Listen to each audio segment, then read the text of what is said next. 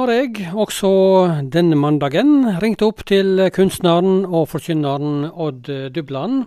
Han Odd i Kråna, som jeg sier her på radioen, han er med oss i disse, disse startene på veka, også i dag. Nå er det 10. januar, Odd. Det er sånn midtvinters dette her, og du har det lunt i Kråna di, eller? Ja, god dag, god dag, eh, Inge. Jeg har det veldig lunt og godt her. Jeg sitter i krona mi. Jeg har en liten leilighet midt i sentrum på Ålgård i Rogaland.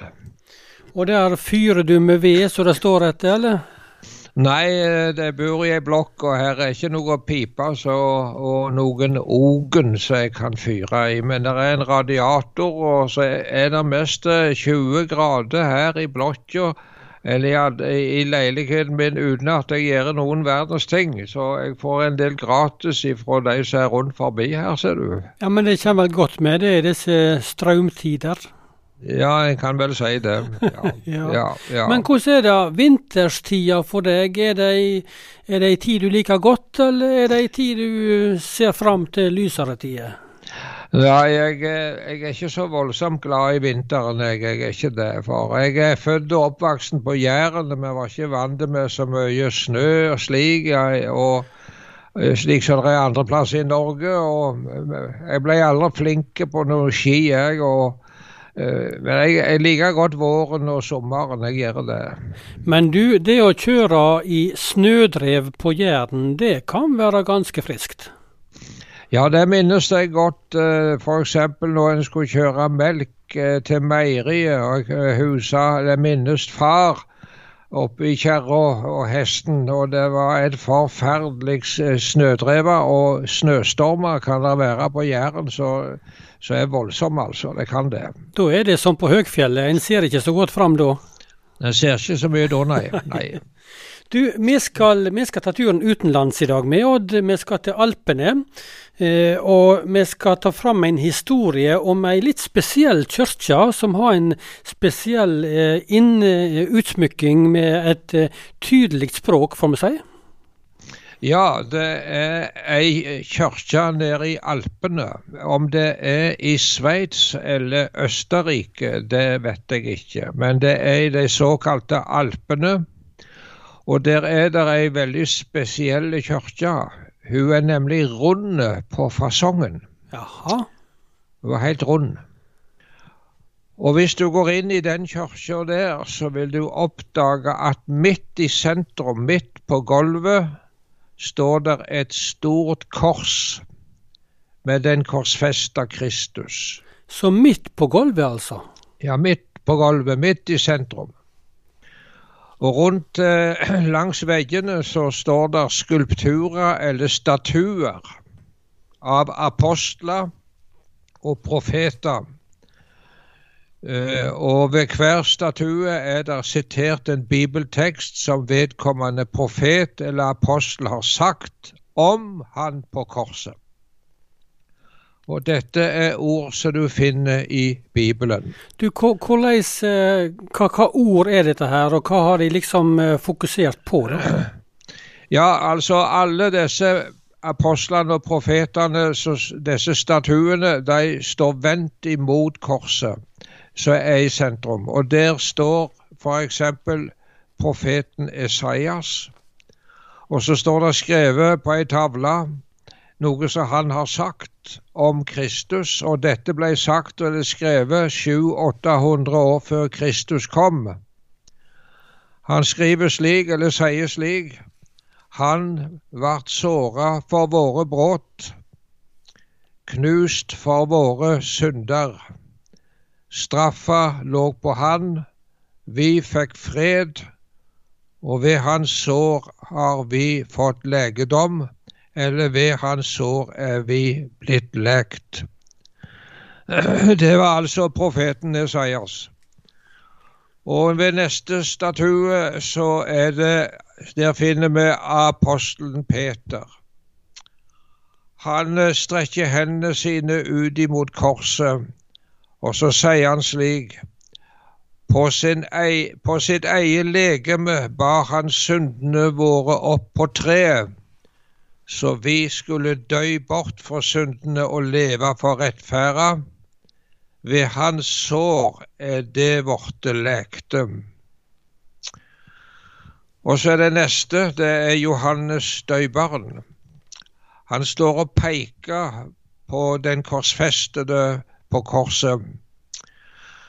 Han sier det slik, sjå der, Guds lam, så bær bort verdens synd. Og der står også profeten Jeremias, og han står og griner eller greter. Og han sier det slik, går det dere ikke til hjertet, alle det som færer forbi på veien. Og der står også apostel Paulus, og han ser imot korset. Og så sier han slik Ved Han blir det forkynt dykk tilgjeving for syndene. Og når du skal gå ut av kirka, så står det skrevet over døra et sitat av apostel Peter. Alle profetene vitner om Han og sier at hver den som tror på Han, skal få tilgjeving for syndene ved Hans navn. Så tenkte jeg litt ekstra på det der han også profeten Jeremias sa. Han står altså og græter, og så sier han dette, går det dere ikke til hjertet? alle det som går forbi på veien. Ja, hva, hva, hva tenker han på da? Nei, for du ser det at Jesu kors det sto ved en allfarvei. Det går tydelig fram ifra Bibelen. Ja, Golgata-korset. Ja, der det gikk en allfarvei forbi. Og der står skrevet det at de som gikk forbi, de ristet på hodet og sa det at andre hadde frelst, men seg sjøl kan han ikke frelse. Og så sier profeten Esaias, går det dere ikke til hjertet, alle det som går forbi på veien. Og jeg kom til å tenke på en, eh, noe som jeg så på amerikansk TV en gang. Det var i, i en by i USA. Det var en uh, ungdom som sto eh, på et fortau. Han hadde med seg et stativ med ei tavle der han kunne skrive. Og så hadde han en bibel, og så prøvde han å vise om det troverdige ved Jesu Kristi oppstandelse fra de døde.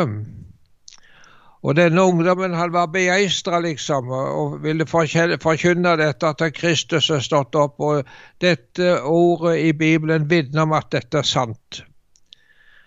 Men folket hasta forbi. Det var ingen som så liksom bort på denne ungdommen.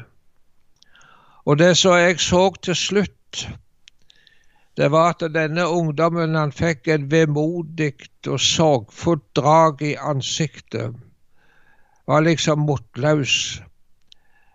Han prøvde å vise hvem Jesus er, men det var ingen som brydde seg. Og her er dette som profeten, nei, profeten Jeremias har sagt. Går det dere ikke til hjertet, alle som færer forbi på veien? Men jeg tenkte på disse ord som disse profetene og apostlene har sagt, som står skrevet ved statuene deres i denne kirka. At da går du inn i denne kirka, leser det som står, tror det som står, så kan du gå ut av kirka som et frelst menneske. Og hvis dette korset ikke hadde blitt reist, så hadde verden ikke blitt skapt. Jaha, hva tenkte du på da? Nei, fordi at sentrum i alt er altså Kristus og hans forsoning. Det står skrevet der at han valgte oss ut i Kristus før verden ble skapt. Det var det første Gud gjorde. Han valgte seg ut et folk i Kristus Jesus. Og så kom han til oss og ble født, lagt i ei krybbe, gikk sin vei, til korset og til oppstandelsen ifra graven, og se det i dag ved Faderens høyre hånd, og skal derifra komme og døme levende og døde. Og det er Han som vi alle en gang skal møte, og derfor så bør det gå oss til hjertet. Det var de tankene som jeg hadde i dag, du Inge, Ja, fra denne, denne rundkirka i Alpene.